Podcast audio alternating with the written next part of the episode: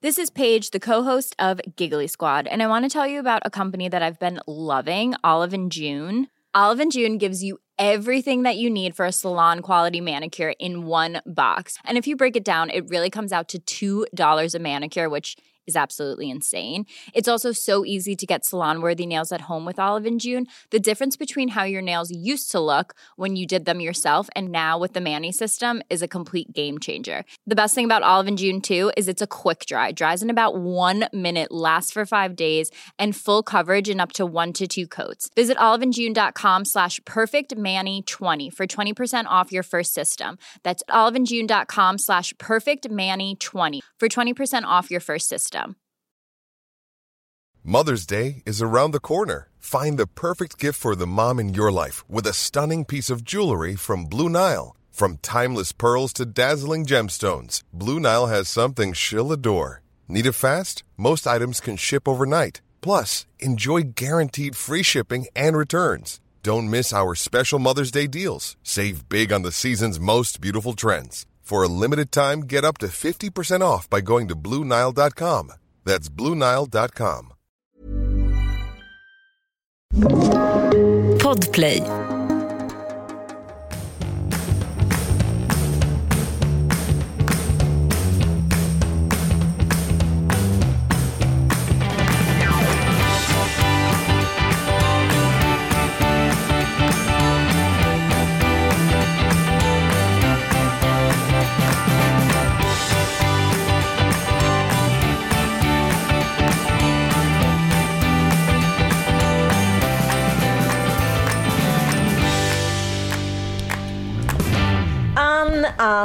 Ann. Det här är väl ändå sensationellt att vi sitter här nu igen. I våran lilla säng har det blivit. Du har flyttat in. Ja, ja, du smattrar så mycket så jag har öronproppar redan. Man var där i två timmar och inte fått någonting gjort. Eh, fan vad du snackar på nu. Sm smattran. Nej men du och vi smattrar lika mycket. Jag är lugn och sansad. Men vi, när vi smattrar också, då samlar vi ju nästan hundra delar. För vi vet att vi alltid har, vi har alltid en deadline. Vi båda ska alltid iväg och göra någonting. Så vi måste ju smattra och då går det ju upp i tempo. Det är Ja. det enda sättet man kan vinna tid på här. Men jag älskar när man kan vinna tid så. Men så tänker jag så här, som du sa, gud vi måste gå ut och festa du och jag. Det är antingen att du har barn och jag har barn, båda barn. Vi, vi är så konstiga bästa vänner. Vi gör typ ingenting utanför jobbet. Jag vet. Det är helt sjukt. Verkligen.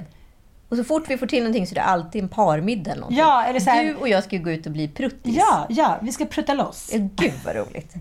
Apropå, apropå prutta. Apropå prutta. Ja, vi måste- vi måste ta Berätta nu. Ann, du var, kom hit med liksom ångan uppe och var så här för sommarhetsen. Jag orkar inte. Och nu efter sommarhetsen.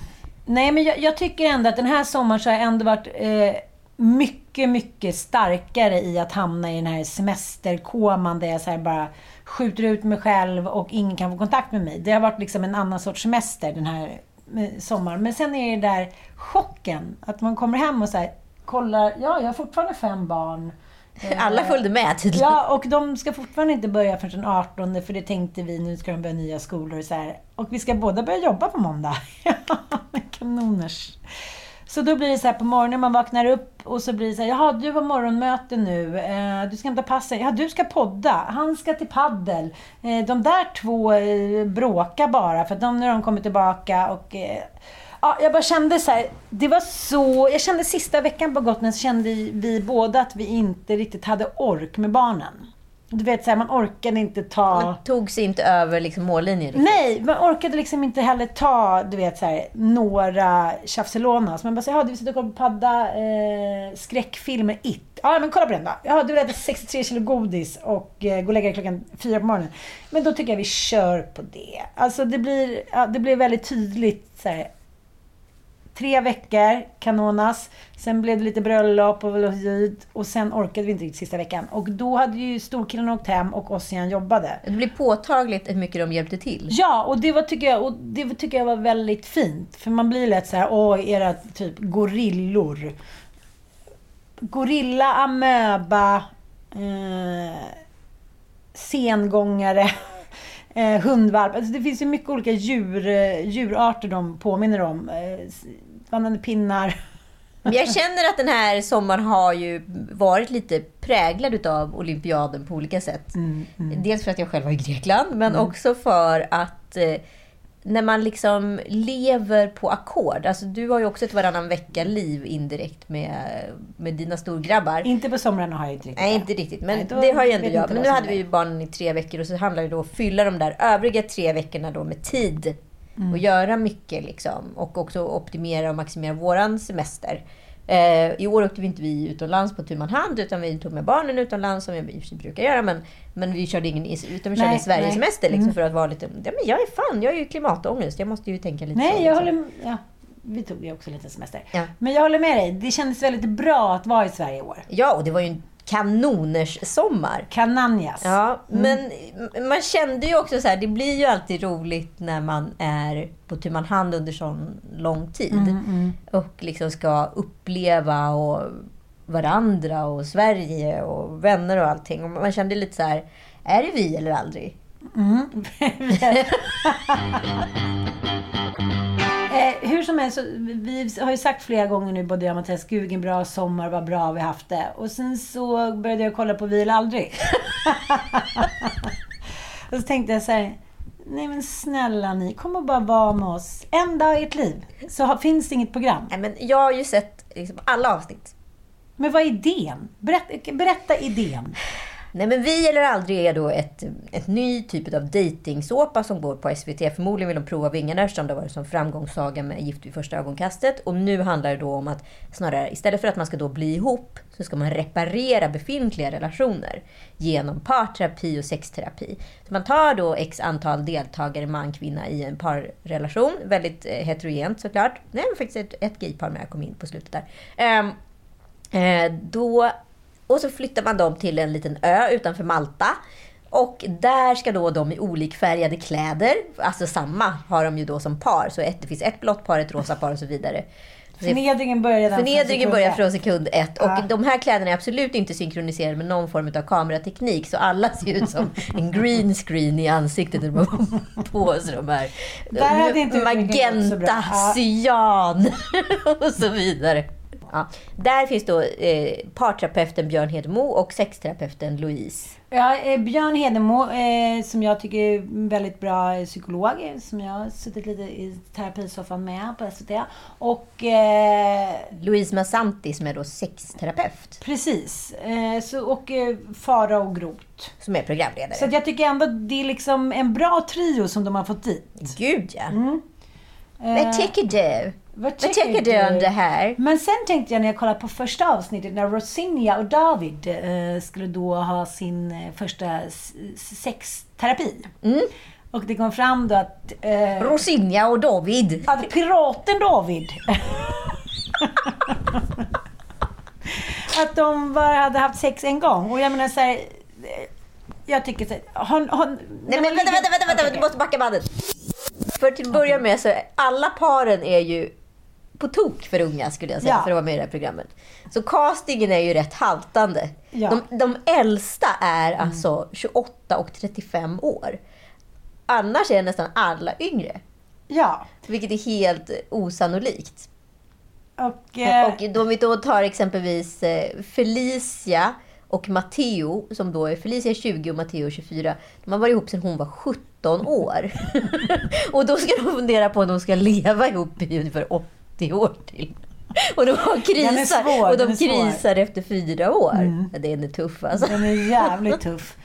Och så- men jag tänkte så här, gud vad, vad, vad man kan göra en höna av en fjäder och hur man kan tillåtas göra en höna av en fjäder. Men tillbaka till piraten. Ja, ja, Piraten David som då har alltså problem med sitt knä och de har varit ihop i Precis. Mm. fyra månader tror jag. Och eh, de har ju alltså inte haft sex än på grund av att han har haft Nej, en knä. gång. En gång hade de ju sex. Och då fick de ju poängsätta. Då tyckte ju hon att det var åtta. Hur är ert sexliv? Och då satte han upp en fempoängare och hon en åttapoängare. Och då säger Rosinja så här. Jaha. Och hon blir lite så här besviken och tänker alltså, men gud.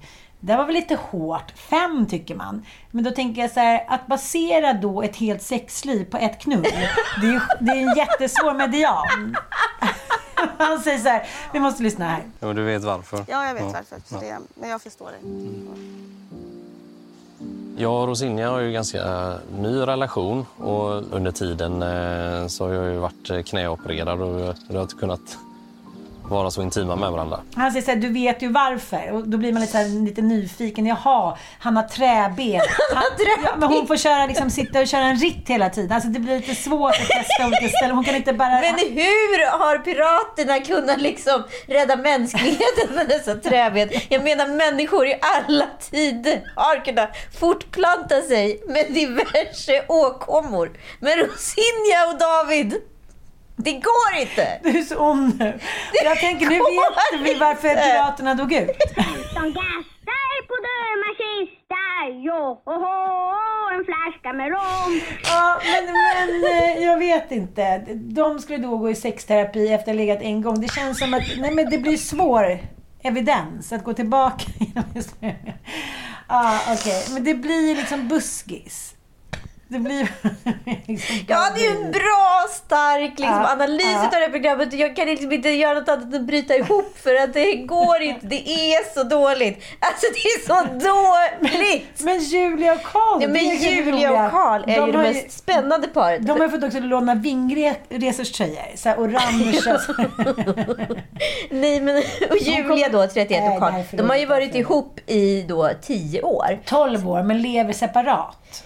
Ja, vilket är så spännande för att Julia har då, vilket hon har mörkat, för hon kommer nämligen ner själv till programmet. Eh, ja. Och säger att Karl är på jobb så att han kommer, vad heter det, komma lite senare. Det visar sig sen, efter halva säsongen typ, har gått att Julia, antingen, som då heter, hon är uppfinnare och modell till yrket, då kanske har uppfunnit att hon är ihop med Karl överhuvudtaget. För hon gjorde nämligen slut med honom visade det sig. Typ ett halvår innan. Så han tyckte att det var rätt konstigt. Han tyckte att det var rätt konstigt att bli nerkallad till det här programmet. För han är mitt i någon jobbperiod och absolut inte ihop med henne. Oh, Gud, jag ringer Nanook och bara... Han bara, det har varit slut i 12 år. Jo, men jag tänkte att vi kunde prova igen. Och sen okay. vet inte vi riktigt vad som händer för att de går då i ett terapisamtal och då bestämmer sig, för Karl har då besagt till henne då där nere på plats att vi ska ju absolut inte vara ihop. Jag gör slut med dig, du gjorde slut med mig, så taskigt. Men sen så går de i ett terapisamtal med han Björn och sen ska då de fortsätta som par helt plötsligt. Men lämnar programserien genom att åka hem. Här är det lite otydligt på vad som exakt händer. Men det verkar inte som att Karl var super på att vara med i det här programmet. Utan det verkar mer som att det var uppfinnare Julia som var sugen jag fattar, på det. Jag fattar. Uh, ja, men uh, det, den har ju fått kritik i, i några liksom, krönikor att, att det är varken hackat eller malet, skriver Carolina Fjällborg i Aftonbladet. Och uh, ska också säga att det är en SVT-fierad version av den brittiska realityserien Make or Break. Uh, Ja. Ja, och sen så ska vi... Favoritparet är ju ändå de som så här, eh, liksom ger mest action till programmet. Det är då ändå det superunga paret Felicia, eh, 20 år, och Matteo ja. från, från Skåne. Men jag, jag, tänker om man kollar på den brittiska förlagen, eh, Make or Break, då är det liksom en bild på eh, 14 vältränade eh, super superhalvnakna deltagare. Det ser ut som liksom, Paradise Hotel-cast. Ja, det verkar vara liksom någon helt annan. Det är i och för sig alltid med brittisk TV. Men... Eh, ja, jag... ja, men hur som helst, Matteo då, som, nu, ska vi, nu ska inte jag sitta och hobbypsykolog och Nej. påstå att han har någon diagnos av något slag, men han gillar statistik mm. och han gillar evidens. Under tiden Felicia är väldigt mycket mer liksom, eh, jag ska säga, flamboyant med sina känslor. Eh, det kan slå höger och vänster, högt och lågt. Och de här två har ju liksom problem med sin kommunikation. Till den ringa grad att eh, sexterapeut Louise faktiskt frågar rakt ut i avsnitt 5 eller vad det är. Varför är ni tillsammans? Mm. Och ingen av dem kan svara på det här. Men de ska fortfarande ändå kämpa på i 80 glada år, har de tänkt. Men jag tänker så här, om man ställer frågan, om, jag, om, hon skulle, om du och Joel skulle vara med i samma program, så säger hon frågan till dig, varför är ni tillsammans? Vad är ditt snabba svar? För... Nej men vadå? För att vi funkar bra ihop. Fan vad romantiskt.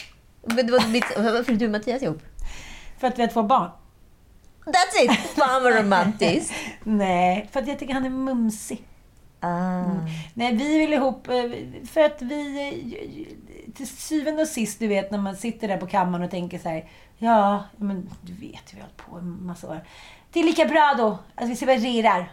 Och så kändes det inte så roligt att vi skulle separera. Så det är inte det. Det är väl världens enklaste egentligen kärlekstest här. Skulle jag bli ledsen om han inte var här? Ja, ja då får vi vara uppe ett tag till. Men, Svårare än så. då behöver vi inte anstränga oss nu heller. Nej, men, men jag tänker ändå att det paret då, som vi pratar om, han som kommer efter tre program och han har inte kommit för att han måste jobba. Eh, och då tänker jag så här, Du menar Karl? Karl. Ja. Och, och Julia säger då, men han tar mig för givet. Han är så här, han sätter allt annat liksom först. Så här, jobbet, träning och dit. Och så tänker han så här, jag kommer alltid finnas där vid hans sida. Så här, kossan finns alltid i båset. Och det har ju jag ju tänkt mycket på med den här, jag när jag sett den här föreläsningen om otrohet på eh, TED Talk. Att det har varit så givet för män, de har alltid tagit för givet att kvinnor har varit trogna. För att de har tänkt så här, men gud vi måste ju vara avkommor, så här, vi måste se till då. Jag, jag är ju här med barn nu för att de ska få ärva Luffelelles gräsplätt och gifta sig med Luffelelles son. Att, ja, men de är ju så, de, de är så dumma män eftersom de aldrig behövt bli smarta. Nej men så är det ju. Ja, de förenklar då och säger, jaha, jag gjorde henne med barn. Nu kommer hon alltid vara trogen. Kanon. Men jag kan knulla lite vänstern och jag kan åka ut på någon motorcykeltur eller segla om sju haven. För de kommer alltid finnas här. Jaha, och sen kommer Ja, men det är ju vikingakvinnorna. Taube- Taube- te- Taube-teorier. Ja, Flickan i Havanna. Ja. Och sen så åker han hem. Jag klarar mig inte utan Karin. och där är barnen och då skriver jag en sång till dem att de längtade efter mig. Pappa kom hem för jag längtar efter dig. För vi längtar efter dig Kom innan sommaren är slut Lilla Men jag kan känna igen mig från min barndom att det var väldigt mycket så här. Pappa åkte iväg och vi längtade efter pappa. Men sen gick det några år och sen längtade vi inte efter pappa. Det var så skönt utan pappa. Ja, det var så mycket tjur utan pappa helt plötsligt. Jo, men jag, jag tror att det finns en bild av att männen tror att vi sitter och trånar och längtar och hit och dit. Men det har vi ju inte gjort såklart. Nej, vi har ju bara varit lite diskretare med våra Alla män som drog ut i krig. Trodde de sitt kvinnorna bara där hemma och väntade på att det där brevet ska komma från... från, från Och du, nu har du kommit tillbaka efter tre år och din son är ett år. Det var Gud som ville! Han sände en spermie från himlen. Nej, men det jag menar är att... Jag kan- behövde inte... Han tyckte det var konstigt att Julia inte hade lust att vänta på honom. För han var ju väldigt sur för. Det var ju det det grundade sig i att han faktiskt inte ville vara ihop med henne då. När, eftersom hon hade dumpat honom. Och vad han ansåg var veka grunder. Men jag tycker ändå att det här är ganska vanligt fortfarande 2021. Att, att männen blir dumpade till slut för att de tycker så här. Ja, men du sket i vad jag kände. Du, mina drömmar var ingenting. Du gjorde det du kände för. Jag fick ta hand om barnen. Och sen säger nu har jag fått nog. Och det är så många, även så killkompisar till mig, som sitter där med så här, ser ut som två skor, bara så här, långa skor i ansiktet. Så här, platta sulor. Jag förstår inte. Hon har varit lite tyst några månader, men vadå? Jag tänkte bara att hon hade PMS eller klimater. De ska hitta någon så här kvinnoförklaring på allting. Det är bara en mänsklig förklaring. Man vill bli uppskattad, man vill bli sedd, man vill dela drömmar med någon. Och det är så många män tycker jag som verkar helt chockade över att säga jaha, Jaha, varför då? kossan tog på sig klackar och gick ut på ängen. Ja men vadå, det är som Matteo. Han vill ha liksom evidens i form av gra- grafik och statistik. Annars kan han inte förstå liksom den här ganska ja, men yviga Felicias känsloliv. Och det, blir ju, det är klart att det är en 100% koalition. Liksom. Samtidigt så vet man att han är en person som behöver en person som Felicia på ett sätt för att det drar upp honom från sin liksom, eh, ja, makroperspektiv. Där han försöker sitta och hitta be- bevis i saker och ting som kanske inte går att få ett bevis på alla gånger. Samtidigt så kanske hon inte behöver ha en person som är så extremt bångstyrig som Matteo. Nej, absolut. Men, men min förra relation gick ju väldigt mycket ut på att jag skulle vara den glada laxen som så här sprang genom livet och, eh, och gjorde alla glada, nöjda och lyckliga. Och det orkar man ju ett tag. Men jag tror att de flesta människor kommer till en punkt där man känner så här What's in it for me? Mm. Ja, en dag ja, men Du förstår vad jag menar. Ja. Att det, här, det går inte längre... Jag tänker med första barnet, jag var i alla fall otroligt eh, romantiserande kring mannens liksom ja, roll i hela... Mm. Ja, nu skulle han, gjorde han fruktat med, nu skulle han så här, bring home the bacon and the love and hit och dit. Och så hände ingenting. Nej, och det tog så många år för mig att ens här sticka hål på den chimären. Mm. Och allting var liksom på liv och död. Det här skulle vara för alltid hit och dit. Och jag tänker att det var ett jävligt roligt experiment att gå in i den relationen idag. Mm. 24 timmar senare bara, hej är det Grand Hotel? Okej, jag kommer nu. Eh, är det ett flyttbolag? Nej men alltså hur liksom, ja allting beror ju på omständigheter, det vet du ju själv. Men, men på det sättet tycker jag att det är härligt att bli mognare, om man nu säger, om man kan säga det. Men om du hade varit med i Vi eller aldrig idag, hur, vad hade du gjort då? eh, vem jag hade tagit med mig menar du? Nej men om Mattias och jag var med där. Nej men jag tycker ändå att det som är bra för, eh, för par är att titta på eh, olika... Andra par? Precis. För att det skapar ju en liten minidebatt där hemma och så kan man känna sig lite bättre än vissa. Det, det, det måste ju vara identifikation och icke-identifikation för att man inte ska känna sig usel. Det får inte handla om det där. Där ser du! Du lyssnar inte på mig, du förstår inte mig. Där ser du, vi knullar inte. Där ser du, piraten. Alltså, det måste ju ändå vara att man småputtrar och pratar om det och sen så sår man ett litet frö. Ja men precis, och så här, det där kan man känna igen sig i, men då kan man skratta lite åt det för då är det på TV, det är lite distanserande men ändå så är det någonting som har vaknat hos en själv att så här, det här är faktiskt vårt problem också. Ja, men det är att man utmanar varandra. Och sista veckan nu på Gotland så var ju en av Mattias bästa kompisar där. Och han jobbar ju liksom mycket med så utveckling och manligt och kvinnligt och få in kvinnor i styrelserna, fatta vad, vad, vad män tar för givet eller mäns schabloner och bla bla bla. Så det blev ju många heta diskussioner. Och det är ju jobbigt att utmana varandra liksom som par. För att man sitter där på sin semester och tar sitt glas rosé och golfar lite och spelar lite paddel och ungarna får en liten leksak. Och så är plötsligt så börjar diskussionerna dra igång.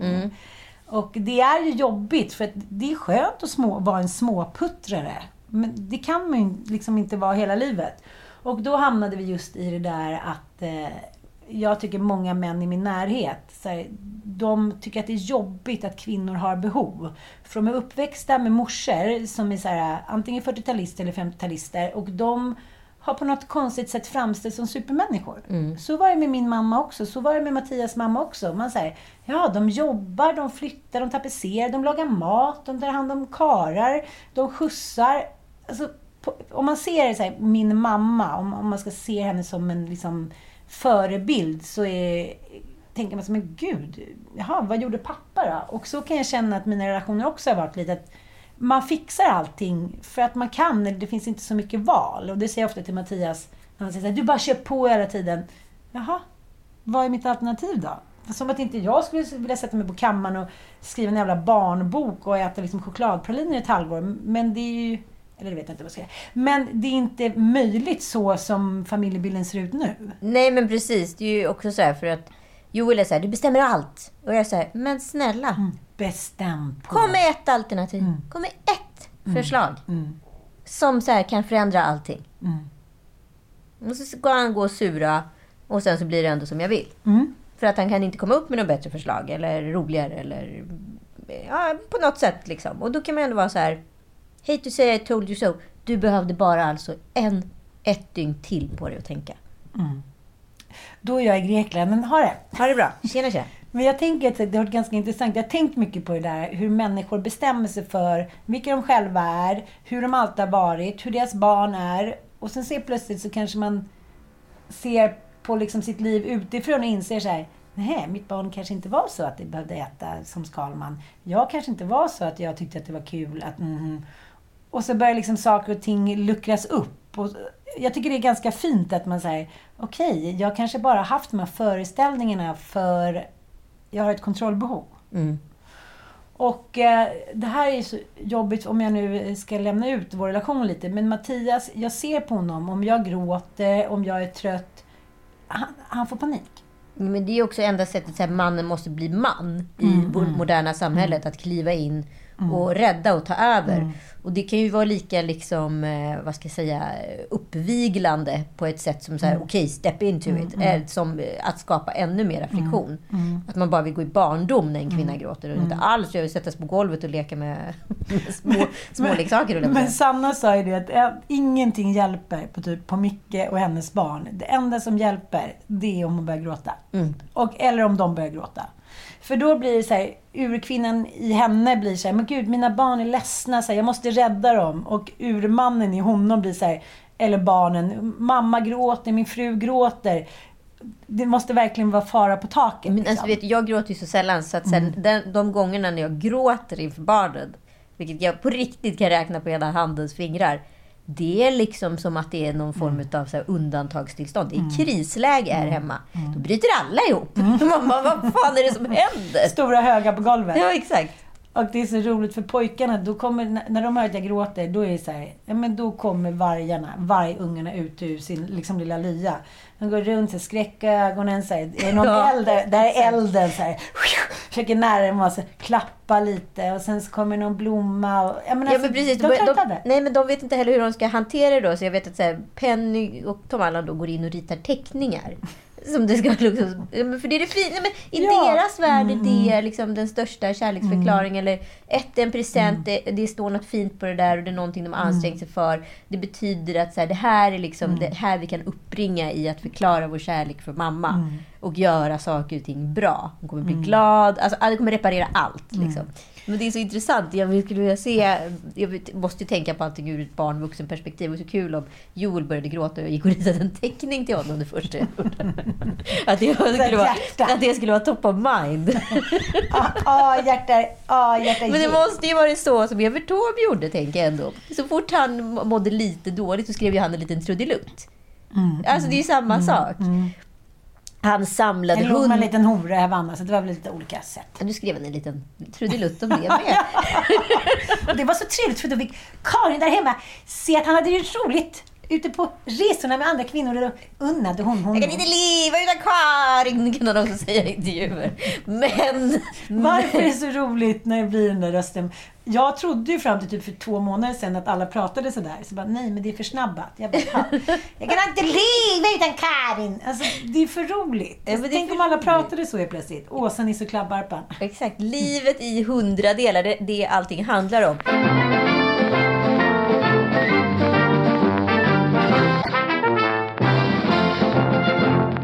Annan grej i hundradelar, det är ju faktiskt att man börjar köpa slott i Frankrike i hundradelar. Har du tänkt på det? Ja, jag, jag vet. Jag tycker att jag, blev, jag fick sån puls när jag såg det, för jag såg så mycket möjligheter. Ja, det är klart du gjorde det. 20 000 myror bara dela på en liten myrstack. Alltså det är, inget, det är inget nytt fenomen. Det är ju det gamla kooperativa systemet, kommunismen, bla bla bla. Men nu att det är liksom översatts till slott, mycket upphetsande tycker jag. Mycket upphetsande, väldigt innovativt. För, för det var ju en euros husen som var väldigt Ja, eh, heta för Det är två... väldigt tyst om dem sen. Nej, alla tog slut. Nej, Jo, för jag var tvungen att gå in och kolla i sommar för då fick jag lite feeling och tänkte gud, jag ska köpa hus. Eh, och då gick jag in på en euros hus och tänkte så här, men här är mitt lilla paradis i framtiden. Här ska bli kul. Och så var alla husen slut och så visade det sig då att de kostar egentligen inte egentligen en euro utan grundplåten är en euro men sen oftast renoveringskostnader på från 1,6 miljoner. Från en konsert. Ja, men alla husen har tagit slut så det finns inga hus kvar. Men det, det, det är så, Genialiskt! Ja, underbart sätt och också solidariskt. Alltså, Otroligt! menar? Mm. Återbruk och liksom allt det där. Istället för att eh, slit och släng. Och nu har man alltså kommit på samma idé fast med slott. Är inte det helt sinnessjukt smart? I, I Frankrike. Och var det 2000 personer som betalade 800 kronor var? Ja. ja. Hur många nätter får man ligga där då? Ja, det är många nätter, hur många rum får man inreda? Det undrar jag, det undrar jag.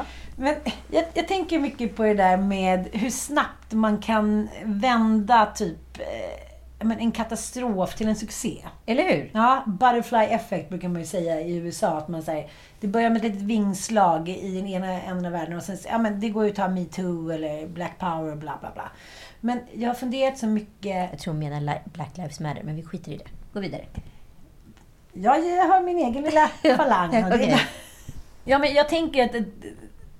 Jag tycker ofta att, att man fastnar i, vare sig det är styrelserummen eller om det är krig eller vad det nu handlar om, eller jämlikhet, jämställdhet och feminism, så fastnar man i så här, It's gonna take ages.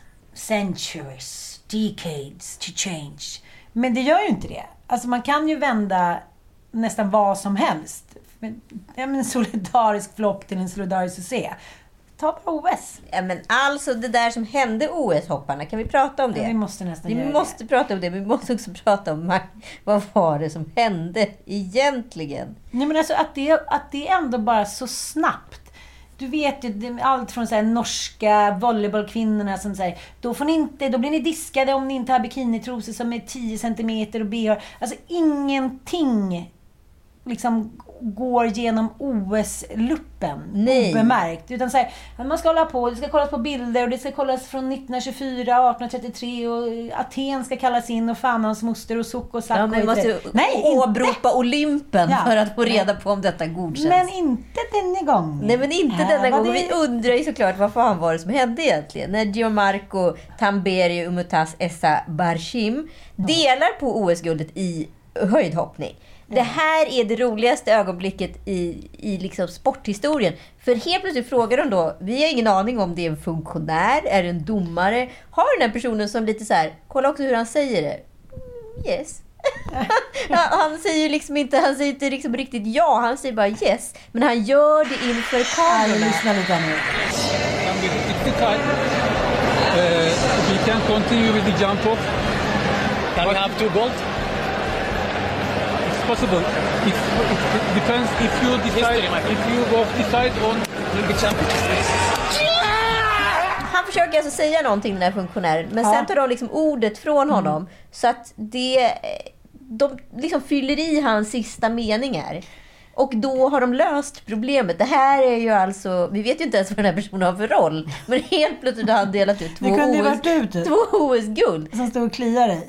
Ja, I rumpan. bara, exakt! Yes, Och så- yes, think so, yes. Ja, men, liksom Ja, men han hade väl ingen aning om om det var kutym, om det var möjligt. Han var Okej, sen gick det ju liksom inte att ta tillbaka. Nej men det är ju det är ju liksom Nej. oåterkalleligt. Nej, för det är de, liksom, de, de grövsta glädjescener jag sett i OS-historien. Nej, men det här- Rulla runt. Det här är ett socialt medieguld. Mm, Förstår du? Det här är så socialt medie liksom likeable. Att man delar på guldet, kan det bli finare? Det här är ju liksom... Helt plötsligt tävlar vi inte längre, vi delar på... Men jag bara saker och tänker ting. så här att varenda historiebok som har skrivits, Bibeln, om krig och fältherrar, allting betyder inte längre någonting. Allting var bara fejk inser man. När det var så lätt, man kan bara fråga en funktionär. Kan vi Kan dela, dela på, på vinsten? guldet? Det här kriget, andra världskriget, kan vi bara dela på vinsten? Ja! Frankrike och England delar på vinsten av andra världskriget. Nej men förstår du? Det är bara så här... Det, det bara slår hål på alla myter om att snubbar måste här, vinna och vara bäst och vara gotiones. Om alla får vara med. Det, är så här, det här är ju Tom Allan och Bobo. Okej, ni får hälften av Pokémon-korten. Där är det bra. Så kollar de på varandra så här. Jaha. Ja, det kanske går. Ja! Det är så roligt, det är så Jag roligt. tycker det, det är väldigt, väldigt fint tycker jag. Och, Men eh, är det fint eller är det fruktansvärt? Det är ju här jag liksom står mitt emellan och liksom inte kan bestämma mig. Ja, men när man sen då går vidare till exempel till OS-finalen i fotboll eller till eh, ja, men, finalen i, i lag då för ridning så tänker man så här. Nej men vänta nu. Eh, nu blir det något annat. Det som man tänker med OS och VM och allting och alla de här eh, vinsterna och sekunderna som förändrar människors liv. Men det kan inte vara så där lätt att man frågar en funktionär och sen har man båda guld. Nej, för det blir också lite hånfullt då mot OS-landslaget i, i vad heter det, damfotbollen. För att de måste avgöra det här på straffar. Vi alla vet ju ja, hur det har gått med det. Men jag tänker då när två... Sätt inte igång mig. Sätt inte Nej, igång när mig. två lag spelar så pass lika. Och det här är någonting som det har faktiskt har diskuterats på ganska hög nivå. Man ens ska ha straffläggning i en final. För att eh, det här har ju alltså plågat fotbollsspelare i årtionden. Varför la jag den lite sådär? Det är sånt där de sitter och snackar om på hemmet när de är dementa. De går igenom den här straffläggningen i huvudet, i huvudet, i huvudet. Vad de kunde justera. Det har liksom blivit liksom det brännande ögonblicket, the point of no return i deras liv. Och ändå så ska de utsättas för det. Någonting som man per definition kan göra på rutin så väljer Jonna Olsson att göra någonting som hon inte gör på rutin. För att hon är så stekt. Och vi vet att det här målet kommer förfölja Jonna. Tänk om de bara hade bestämt sig för lite systerligt sådär, ska vi dela på det istället? Ja men alltså vad är egentligen skillnaden? Att de, Exakt. så här, någon gick fram och sa men vi var ju båda lika bra och så här, vi gillar varandra så himla mycket. Do we share? Men för Det är det här, det här äventyrar ju liksom guldet för alla andra. Ja, men jag måste faktiskt... När man ser det med de glasögonen så blir det väldigt märkligt att det var så lätt att ta det där beslutet. Ja.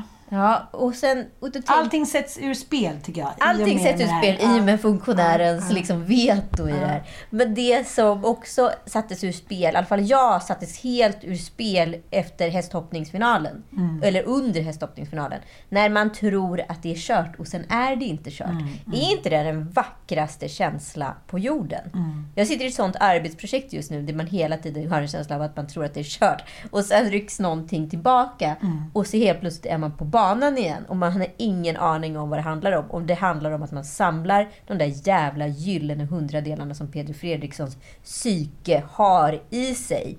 Och jag önskar så många gånger att jag har Peder Fredriksson som liksom mentalitet och inte John Andersson. För oftast är ju jag John Andersson i de situationerna. Jag sparkar ut. Okej, ja, du säger nu, nu lägger jag ner här. Nu, nu, nu, skiter Nej men det. alltså precis på gränsen så är jag så jävla nära men jag blir nervös och det låser sig och sen Jag blir det liksom stolpe ut istället. Men det är ju också ett, rädslan för att misslyckas sätter ju sådana hjärnspöken. Om, om, om man tänker så här. Där, det märk, jag vill ju så gärna vinna hela tiden. Jag skiter i om det är liksom padd eller Djurgården eller om det är OS-final. Jag säger Antingen kan jag gå in och så här, eh, spela och liksom, som att det var en OS-final. Eller också vill jag inte göra det. Nej. Det finns liksom inget mellanting för mig och då blir det jobbigt eftersom så är ju inte alla människor. Och det kan man ju inte heller begära. Men jag tar det på liv, liksom liv och död. Så jag försöker prata med mig själv lite grann under den här semestern och när jag blir så arg på Mattias och tycker så här, Du vill ju inte vinna! Du vill inte... Att det här är någonting som jag föddes med och som han inte föddes med. Men samtidigt så, jag är fortfarande lite av, av den där liksom, åsikten att säga men då behöver jag inte lägga ut de där 400 kronorna på paddelplanen. Jag behöver inte gå in där och liksom kämpa på om den andra inte vill vinna lika mycket som jag.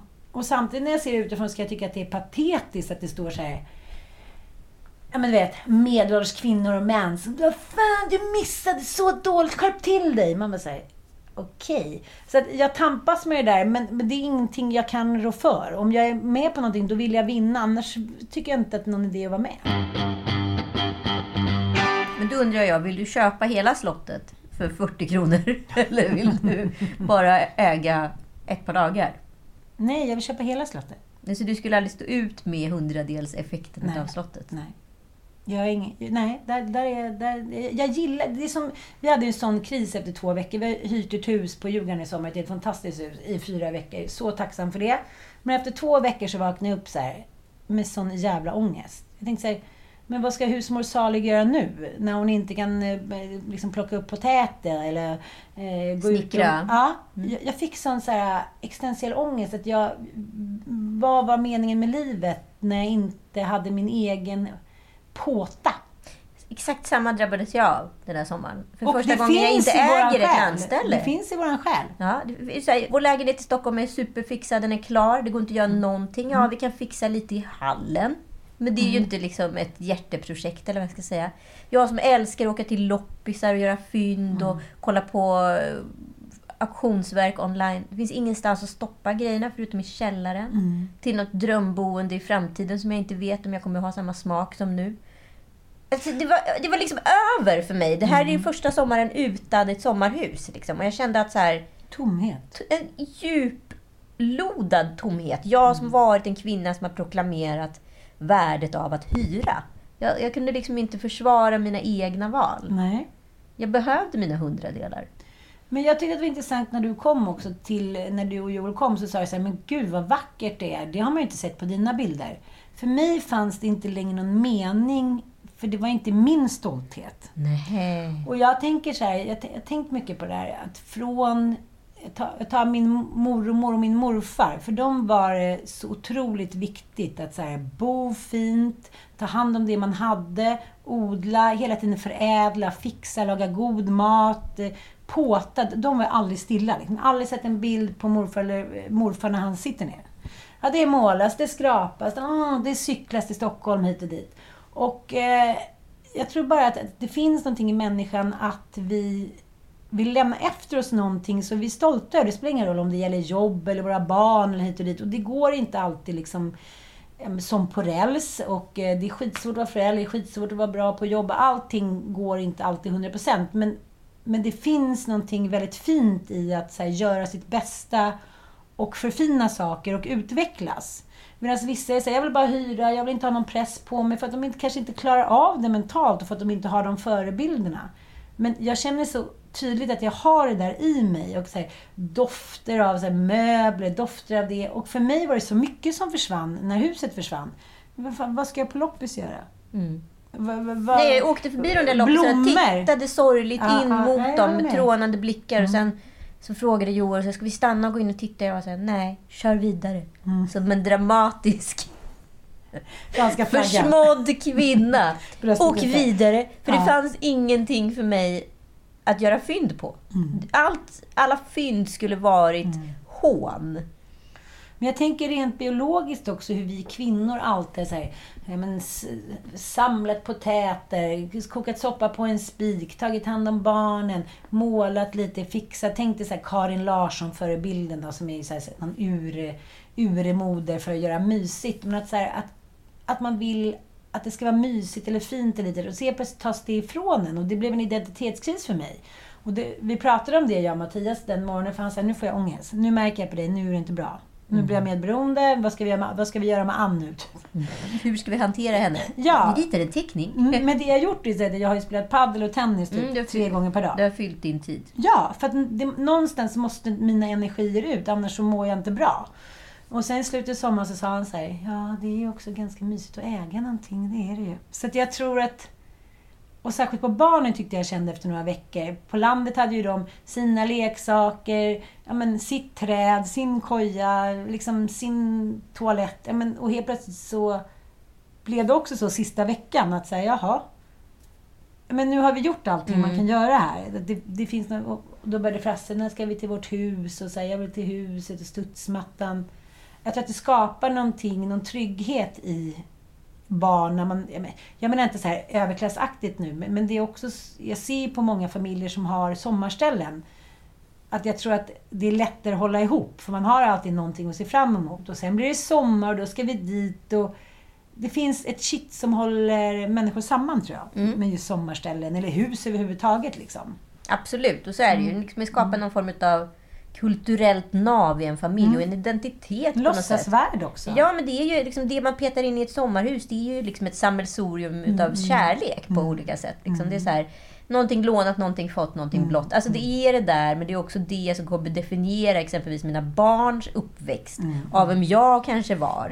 Mycket mer än en välinredd lägenhet i Stockholm. Alltså det kommer vara något annat. Och det är det som är det vackra. Och med de orden avslutar vi den här podden. Hej då! Tack för att ni lyssnat! Puss puss!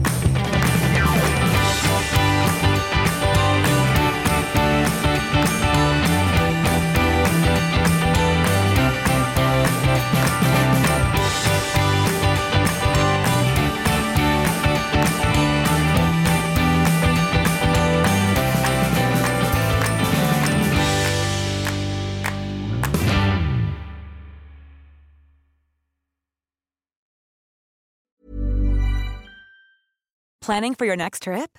Elevate your travel style with Quince. Quince has all the jet setting essentials you'll want for your next getaway, like European linen, premium luggage options, buttery soft Italian leather bags, and so much more. And is all priced at 50 to 80% less than similar brands.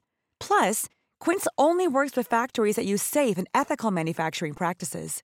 Pack your bags with high-quality essentials you'll be wearing for vacations to come with Quince. Go to quince.com slash pack for free shipping and 365-day returns. Mom deserves the best, and there's no better place to shop for Mother's Day than Whole Foods Market. They're your destination for unbeatable savings, from premium gifts to show-stopping flowers and irresistible desserts. Start by saving 33% with Prime on all body care and candles. Then get a 15-stem bunch of tulips for just $9.99 each with Prime. Round out Mom's menu with festive rosé, irresistible berry chantilly cake, and more special treats. Come celebrate Mother's Day at Whole Foods Market.